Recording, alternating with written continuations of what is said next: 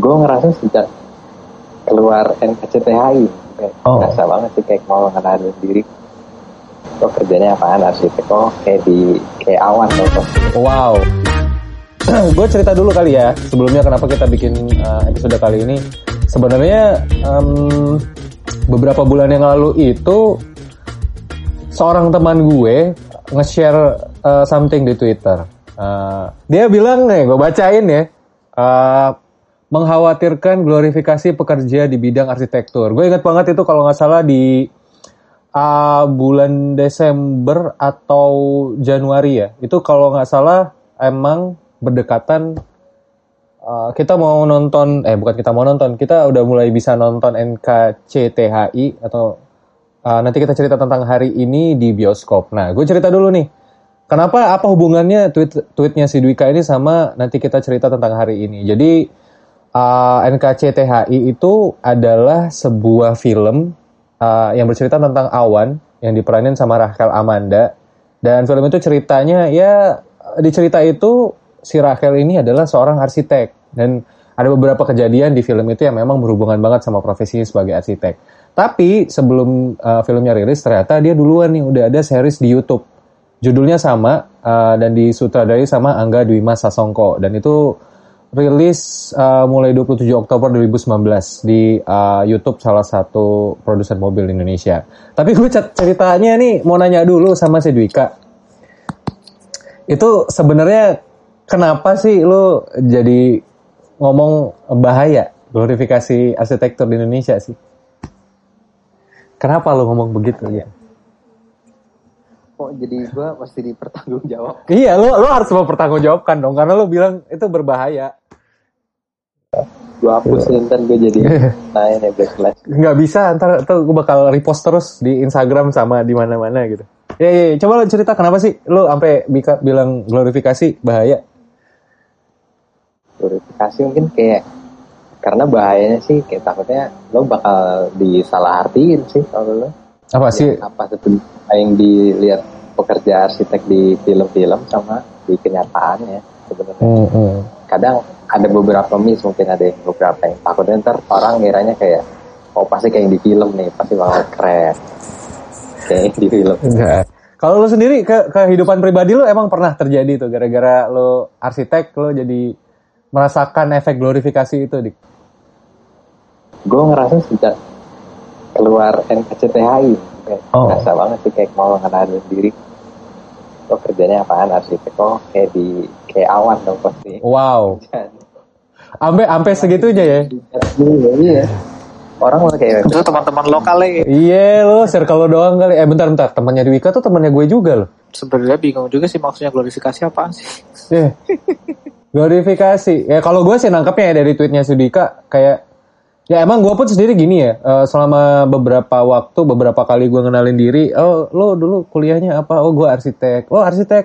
Eh, arsitek dong sekarang berarti. Wah enak ya hidupnya wah proyeknya banyak ya wah pasti hidup lo kayak ya itu tadi kayak Dika bilang oh lu kayak ini dong bukan Rangga ya Eh, siapa pemerannya Rangga Ah, Nicholas Saputra. Oh, berarti lu kayak Nicholas Saputra dong gitu. ya, nggak gitu juga gitu.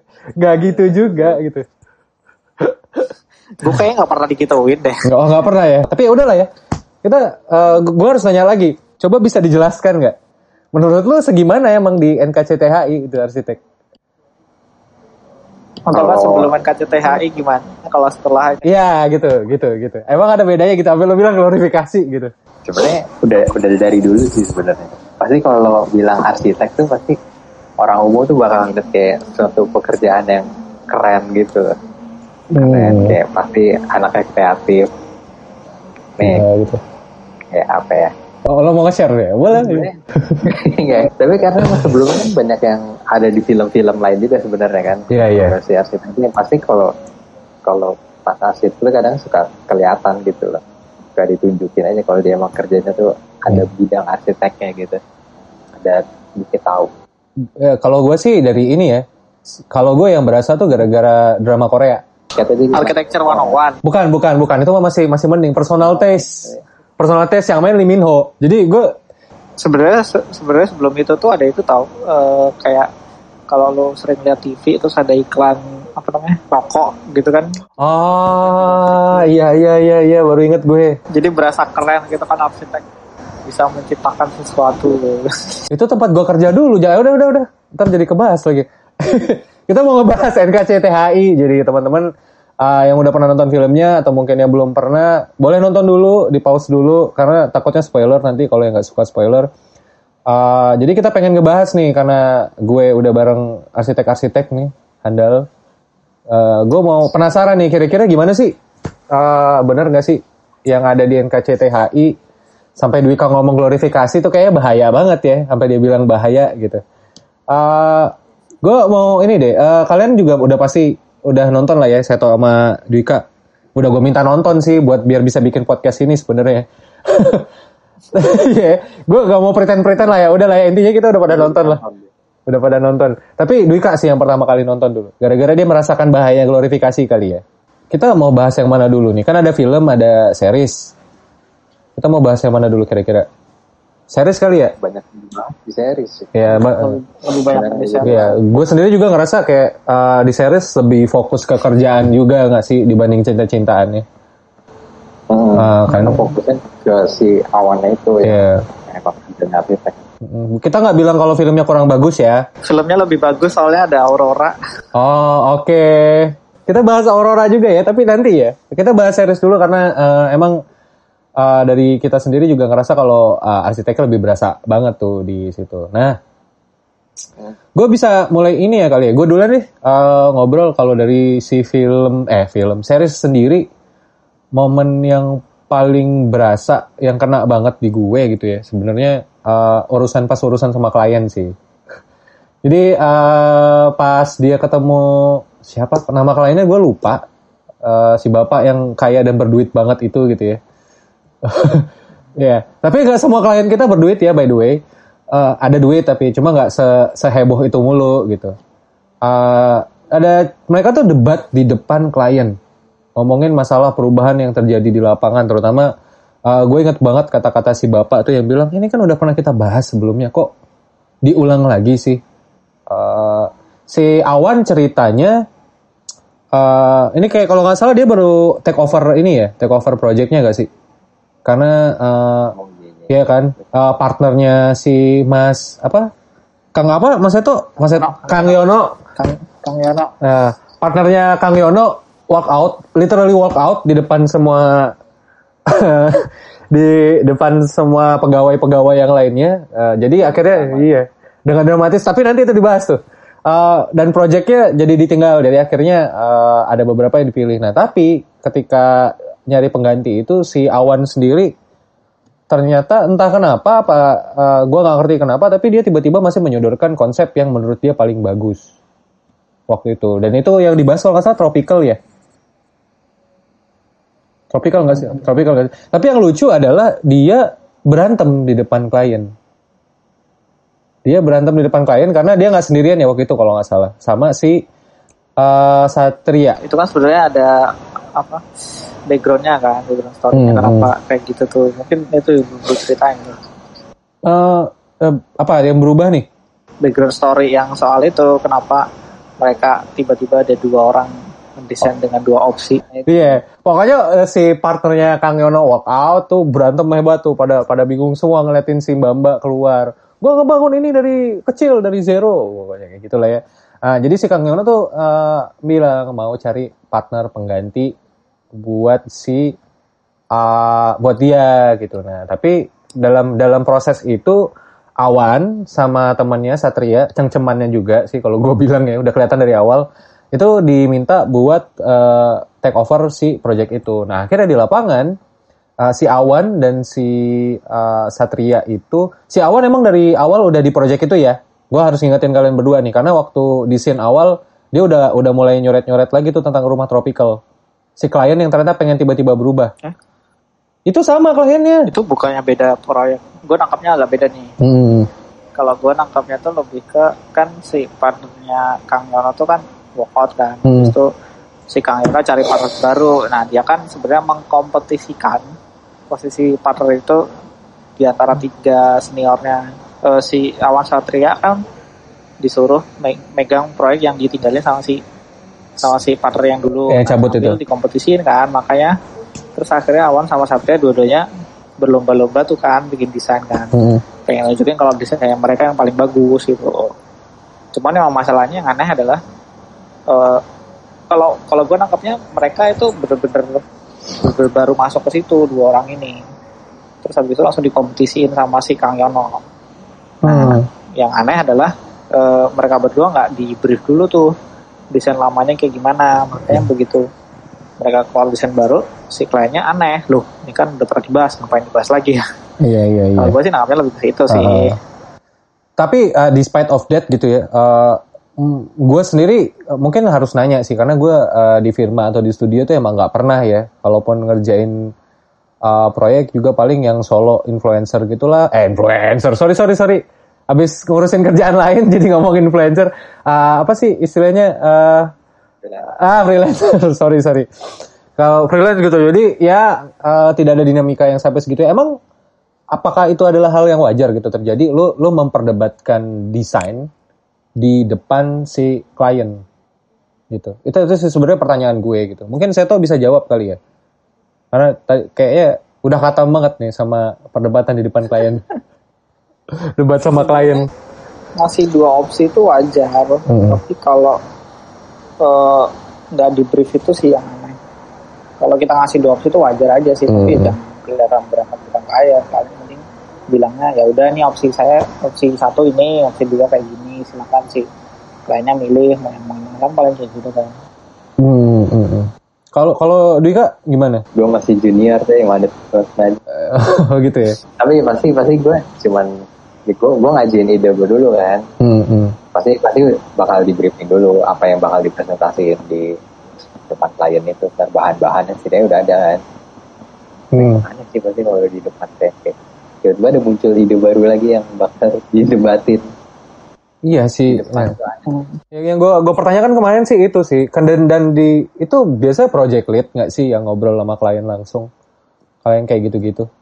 nah, itu juga aneh sih Hmm. Kalau dari apa namanya oh, oh, kalau dari filmnya itu rada aneh soalnya yang jelas-jelas dari bosnya Kang Yono Iya. akhirnya main diem aja malah ngebiarin anak buahnya ngedebat di depan klien Nah, Tapi kayaknya mereka berdua tuh emang senior nggak sih? Eh, apa eh, staff levelnya udah senior arsitek nggak sih di situ? Kayaknya. Iya udah senior mau kan. diangkat jadi sama Hmm. Kang Yono nya tuh beneran diem aja gitu kayak emang sengaja memperdebatkan mereka. Dia senyum-senyum loh di belakang tuh ngeliatin ya di waktu lagi mereka berdua debat ngajuin konsep gitu sama si uh, sama si klien gitu. Tapi itu ya tadi mungkin uh, dan dan mungkin catatan juga gue nggak tahu nih gue harus memastikan sama Duka nih yang masih katanya tadi ngaku masih junior. kadang emang pasti di lapangan sih lu bakal kayak oh, oke kita nyari solusi gitu kan di lapangan kan pas lu langsung datang mungkin lu baru kayak ngeliat oh problemnya apa-apa Hmm. baru tuh kita kepikir kadang-kadang oh solusinya mungkin antara ini kadang mungkin ketemu lebih dari satu solusi kan Iya iya. itu yang harusnya didebatin lagi selanjutnya kayak mungkin kita ada beberapa solusi ntar kita lanjutin lagi baru ke klien kita Oh bukan di depan klien ya? di depan klien yang kasihan Tapi bapak bapaknya seneng loh. Lo lo kalian ingat gak sih itu ada ada adegan dia bilang, oh saya suka dengan diskusi kita belakangan ini. Itu aduh gimana ya. Ta- Tapi mungkin gue itu ya cerita juga mau kalian teman-teman. eh, kalau lo jadi arsitek nanti mungkin ini yang denger entah ya, lo arsitek kah, lo mahasiswa kah, atau masih baru berpikir mau masuk jadi arsitek. Itu kalau kita ngerjain proyek, revisi itu benar-benar nggak ketolong sih sebenarnya kalau uh, kita lagi ngerjain proyek apalagi yang tricky ya. Pasti revisi itu bisa berkali-kali dan maunya klien pernah nggak sih lo ng- ngalamin udah diokein tuh desain terus tiba-tiba dia pengen berubah lagi? Ini hal yang paling gue bingung gitu. Iya kenapa kenapa? Gue pernah ngerjain proyek juga. Hmm. udah udah sesuai yang dari kita tuh desainer kan. Kita Hmm. udah ngajuin desain si klien tuh ada ada ngubah.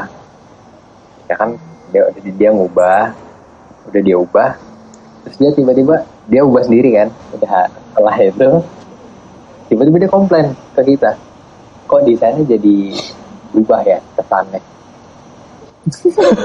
gimana kan dia sendiri yang berubah Iya, sebenarnya kan ya itu karena keputusan dia sih jadi maksud maksud desain kita awalnya jadi berubah. Eh, oh iya, iya, iya, iya. Emang emang sesignifikan itu ya? Hmm? Sesignifikan itu perubahan. Signifikannya itu soalnya kayak ibarat gue kayak cuman gue mau bikin ruangan, ya itu kecil gitu kan ya. Terus Eh, sama dia dijebol karena dia bilang kok ruangannya sempit banget ya. Terus pas dia jebol tiba-tiba kesannya kok kayak jadi lowong banget ruangan. gue dalam hati mau ya itu salah dia yang yang jebolin Itu ruang- proyek rumah tapi. proyek kantor malah. Ah, kantor malah. Oh. Iya, Oh. resepsi Tapi pribadi ya. Mm-mm. Dalam hati gue Sebenarnya kalau itu salah dia yang ubahnya sih. Jadi jadi totalnya tuh total berubah semua gitu bentuk ruangnya kan. sebenarnya perubahan di lapangan tuh memang memang baliknya tergantung ke sifat proyek sih. hmm, hmm. Kalau emang proyeknya biasanya kliennya pribadi gitu pasti ada perubahan di lapangan. Iya. Tapi kalau proyeknya udah B2B gitu ya? komersial, Oh, nah, komersial Bisa, apa emang udah developer gitu mah biasanya harus sesuai sama dari yang udah kita bikin. Soalnya kan udah ada tender gitu kan. hmm. Kalau biasanya kalau yang klien pribadi kan nggak pakai tender langsung tunjuk aja kontraktor. Hmm. Pengawasan bukan kalian megang dik? Kontraktornya dari dia sendiri, bahasa maunya dia jadinya. Tapi kalau pribadi biasanya kayak gitu sih pasti. Iya, iya. Gitu sih. Kalau gue sih pasti berubah terus ya, apalagi yang gue bilang tadi, gue kan ini doang ya, freelance doang, itu pun juga nggak banyak-banyak banget lah.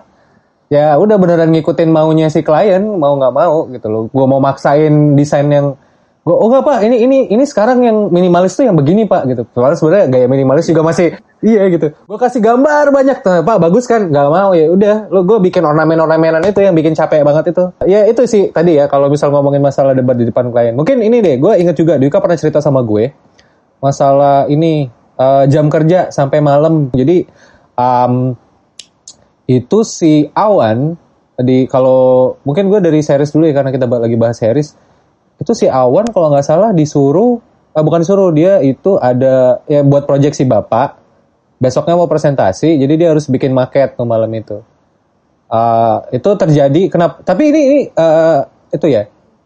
Karena dia jadi begadang sampai malam tapi itu gara-gara yang harusnya dikerjain sama juniornya dia tidak dikerjakan. Akhirnya dia begadang tuh sampai malam tapi mungkin eh, mungkin intensi si sutradara juga kali ya kalau menurut gue eh, pengen gambarin nih arsitek tuh rajin banget loh begadang suka tidak tidur gitu kalau kalau gue kebacanya ya Oh iya, itu ecie momen banget. Eh tapi lu lu lu lu berdua nih. Lu berdua menurut lu gimana tuh soal scene yang itu? Pendapat gua kan tadi gitu ya. Sebagai yang masih baru kerja sih emang gue ngerasa harus begadang di kantor. Gak Ya, mungkin gitu. gue pulang cepat kayaknya. Tapi kenapa ya? Kenapa ya? Tapi emang kayak kebanyakan tuh culture culture kantornya sih, culture studio arsitek itu. Karena kan emang mem- membiasakan begadang itu. Nah itu dia mengglorifikasikan begadang itu sebagai wujud kerja keras. Oke, itu itu salah lu nangkap glorifikasi juga ya dari situ ya. Hmm, kadang kadang kita tuh kayak suka di bangga banggain gitu sih sebagai orang yang suka Iya. begadang. Iya. Ada tuh teman gua. Sebenarnya di series nggak terlalu nggak terlalu diglorifikasi sih. Hmm. Bahkan dua film itu sebenarnya nggak terlalu kelihatan betapa lemburnya pekerjaan arsitektur sih. Saya kan kalau di series cuman cuman berdua doang tuh yang lembur maket Hmm. gitu kan. Yang lain udah pada pulang. Sementara kalau kadang kalau di biro-biro studio lebih ini lebih banyak lagi. Tapi lain apa? Tapi beda-beda sih kadang begadangnya di situ. Nah, Ada tapi beda-beda juga. Ada begadang lain. Bisa juga kita ngeliatnya dari dari sisi kantornya. Kalau biasanya sering begadang gitu kan yang studio kan. Hmm. nggak punya punya regulasi soal Begadang. apa uang lembur. Hmm. Lebih ke uang lembur bro. Kalau misalnya Iya. lu udah udah established, waduh, yang lu udah perusahaan lebih established lo nggak boleh lembur sembarangan. Iya. Ya, si kantornya bakal keluar lebih banyak buat gaji lu lembur. Oh. Iya juga. Alasan lo sampai malam-malam pun karena masih banyak yang perlu lo riset lagi sih Ya. kerjaan lo kan. Hmm, hmm, hmm. Kayak masih banyak yang lo pelajari. Sebenarnya kan pekerjaan nggak akan mungkin selesai. Kalau lu kerja pasti ada terus. Iya sih. Selesai. Iya. Lu tidak boleh selesai gitu. Iya. Tapi yang menyelesaikan pekerjaan tuh deadline tuh. Iya. Enggak ada. Deadline kalau nggak selesai kalau nggak ada itu nggak ada deadline sebenarnya kita mau mau baca baca buku di kantor tuh sebenarnya buat riset Iya iya iya. Kadang di dipahamin sebagai kegiatan santai Oh gitu ya. Gitu ya. Riset buat kerja santai gitu ya. Sebenarnya padahal gue gue pengen nyari bahan dulu deh di buku-buku katanya Oh, iya. kadang kadang itu dia nggak malah kok nyantai banget ya Eh gitu ya. Itu ya. masih mending di kantor gua dulu di di kantor gua dulu ada yang baca buku dimarahin cuy ah demi apa lo? Itu nah, eh, itu nggak kerja Oke. riset paling bagusnya ada di buku gitu kan Hmm.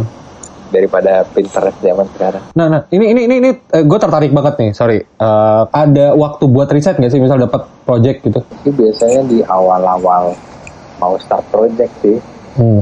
kayak mungkin soalnya mungkin nyiapin bahan ya nyiapin Hmm. bahan-bahan cuman kadang sekarang sih kebanyakan Pinterest ya tek tek gitu ya. bisa tenggelam di lo klik satu Tapi emang iya. Nggak, sorry, pertanyaan gue belum lu jawab, Dik. Itu masuk ke timeline nggak? sebenarnya kan di awal ya. Ah. Nah, di awal udah cari reference udah lo brainstorming lagi konsepnya. Cuman kan kadang di tengah desain kan lo pusing lagi tuh kayak mau begini kadang reference pun nggak kepake lo pas di awal pas di proses desain kayak lo referensinya apa? Tiba-tiba pas lo udah desain kok beda ya. Beda. Pasti beda lah. Iya, iya. Kalau iya. Gitu, kadang lo ujungnya di tengah di tengah proses pasti bakal nyari reference lagi kan Iya, iya, iya. Tapi emang Iya. emang waktunya tuh nggak sebanyak waktu kuliah dulu ya kali ya. Eh, waktu lu buat nyari referensi, kalau kuliah dulu, saya ingat gue, wah itu enak banget ya dulu ya. Waktu buat bikin konsep, referensi iya referensi doang. Abis itu eh, Dena kejut semalam tuh. iya ngerti terakhir iya, kan dia riset sampai puas lah gitu. coba aja ntar kalau ketemu klien gimana ntar saya dua bulan dulu ya pak Kalau saya tuh lu sendiri emang punya itu nggak? Eh, entah lu sebagai eh, prinsipal ya sekarang ya, Cie. Lu entah eh, entah lu udah udah punya sendiri ini sekarang sama dulu waktu pas kerja, lu sendiri emang riset nggak sih? Emang ada designated time-nya nggak buat riset? hmm, sebenarnya emang pasti ada sih Hmm. Karena kan kadang kalau misalnya lu lagi di kantor gitu terus misalnya lu lagi ngerjain kerjaan apa terus tuh kelihatan ba- bacanya buku yang apa kan kelihatan banget itu lu nggak lagi kerja. Oke, iya iya iya iya. Bisa bisa. Lu baca apaan sih emang, Mas? Ya tahu. di kantor gua dulu bahkan baca majalah aja dipertanyakan apa misalnya orang lagi kerja. Tapi nggak eh, ya. Iya iya. Tapi nggak tahu ya gue ya. Kalau setahu gue sih yang gue dengar dari beberapa teman lain selain lu berdua gitu.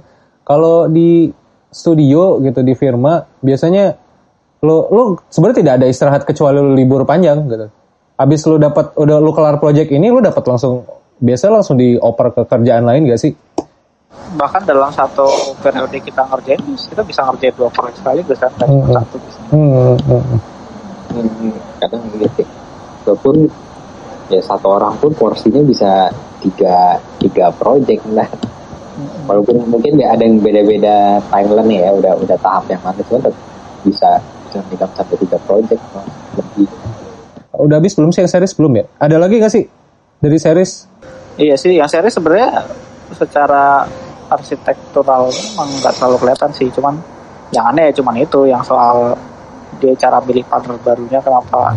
Series itu emang ada kejadian di mana Kang Nono partnernya cabut tuh marah-marah walkout di depan eh, depan semua pegawai iya depan anak-anak itu bumbu biar ada episode lain di series ah iya iya iya bisa.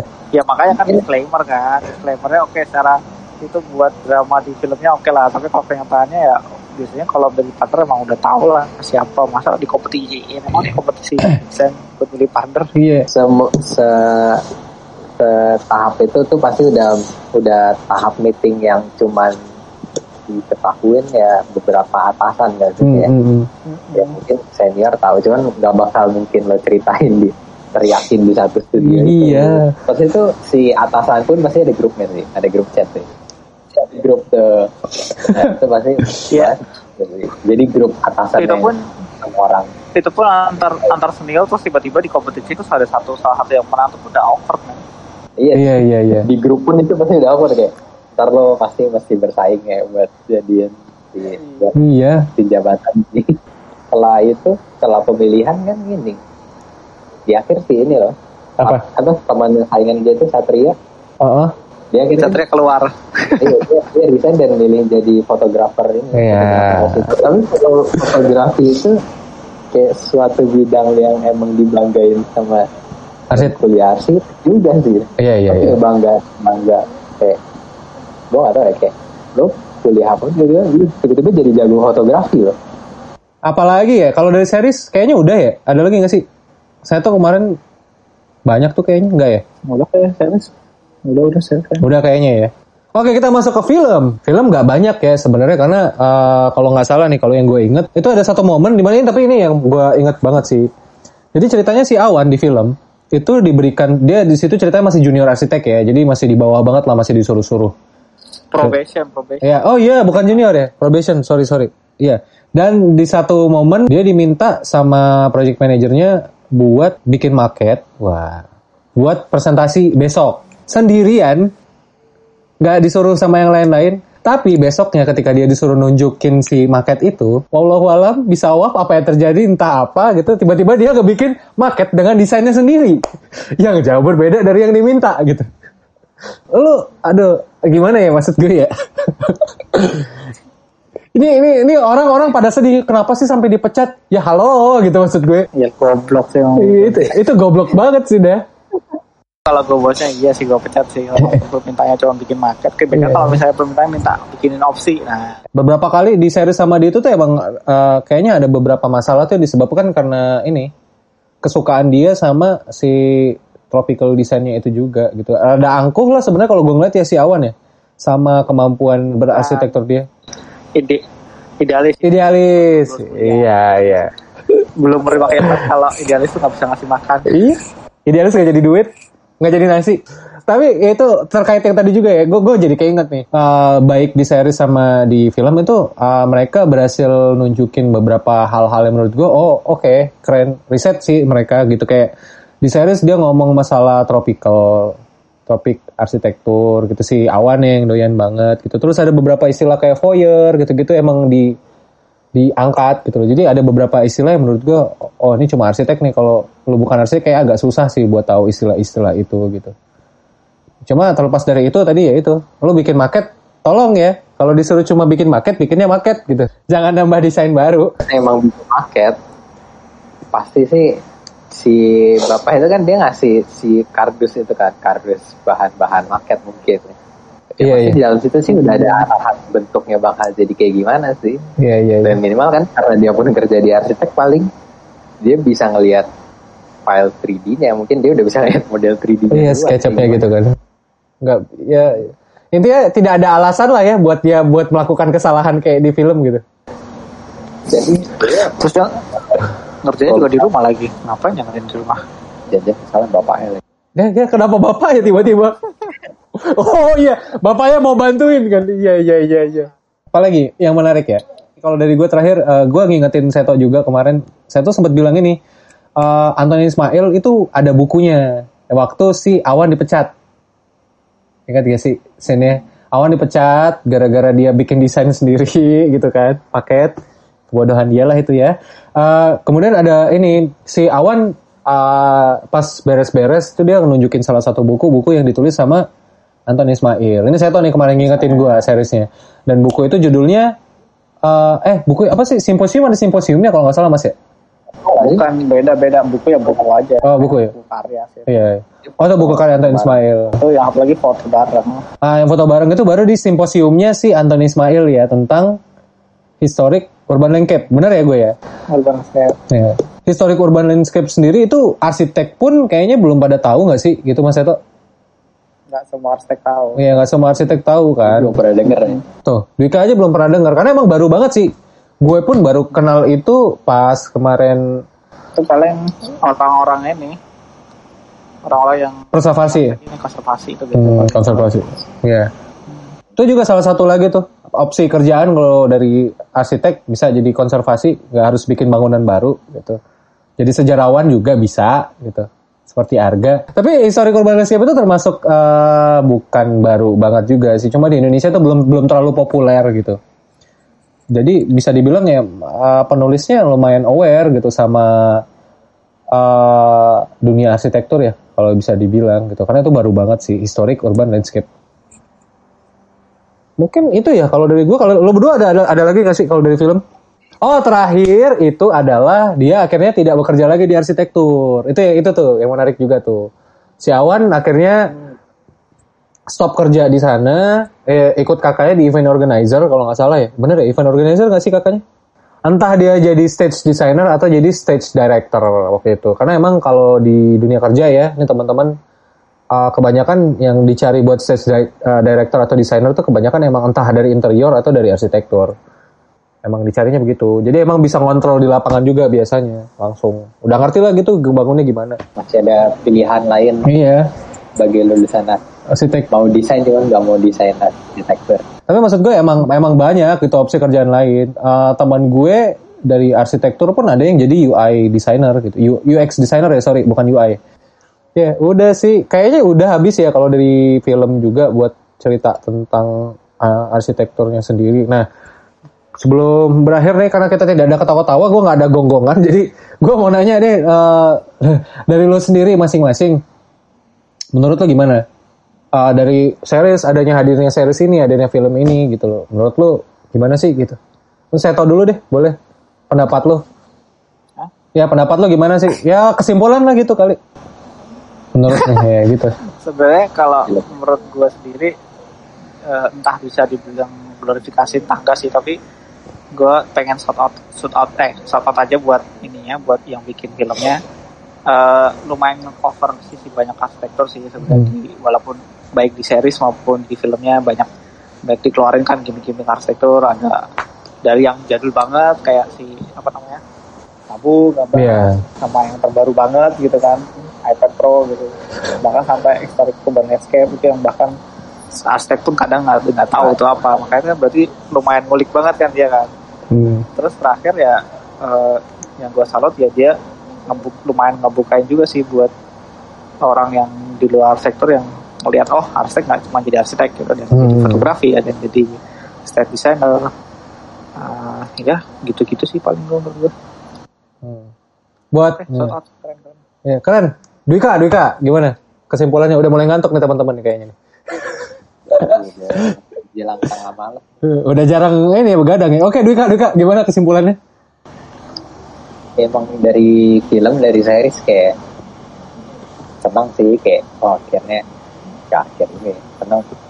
Mungkin karena emang ada egonya juga ya senang sih pasti kalau profesinya tuh di di ditampilin bilang deh ya ini kelihatan banget nih gue dan akhir-akhirnya masih karena mungkin masih film baru ya jadi kayak orang pun sekarang kenalnya arsitek bakal jadi kayak di film itu tuh bakal jadi acuan yang ada hmm. di film dan saya gitu bakal jadi acuan kayak gimana kelihatan kerjanya arsitek itu hmm. hmm, hmm. palingnya ya asal acuannya jangan jadi itu ya awan yang di film Terus mungkin kenyataannya pun ada beda juga ntar tanya-tanya aja lah kalau mau lihat kerja kayak Iya. Gue ya, gue kali ya. Oh, kalau dari gue sendiri sih, karena emang gue bukan penggiat ya, gue tertarik sama sejarah dan teori arsitektur. Uh, Sebenarnya buat di Indonesia sendiri, uh, gue ngerasa film uh, dengan diangkatnya arsitek Indonesia, orang Indonesia asli gitu di cerita di film, menurut gue bagus buat jadi ini sih gambaran aja. Nanti ke depannya kan mungkin orang bisa jadi ngeliat, oh dulu kayak begini gitu loh arsitek. Itu itu kan secara nggak langsung juga memperlihatkan gimana arsitek kita pada zaman ini gitu loh. Di ke depan tuh bisa jadi uh, bahan acuan orang juga walaupun ada beberapa hal yang tidak sesuai sama kenyataan tapi menurut gue ya cukup lah gitu.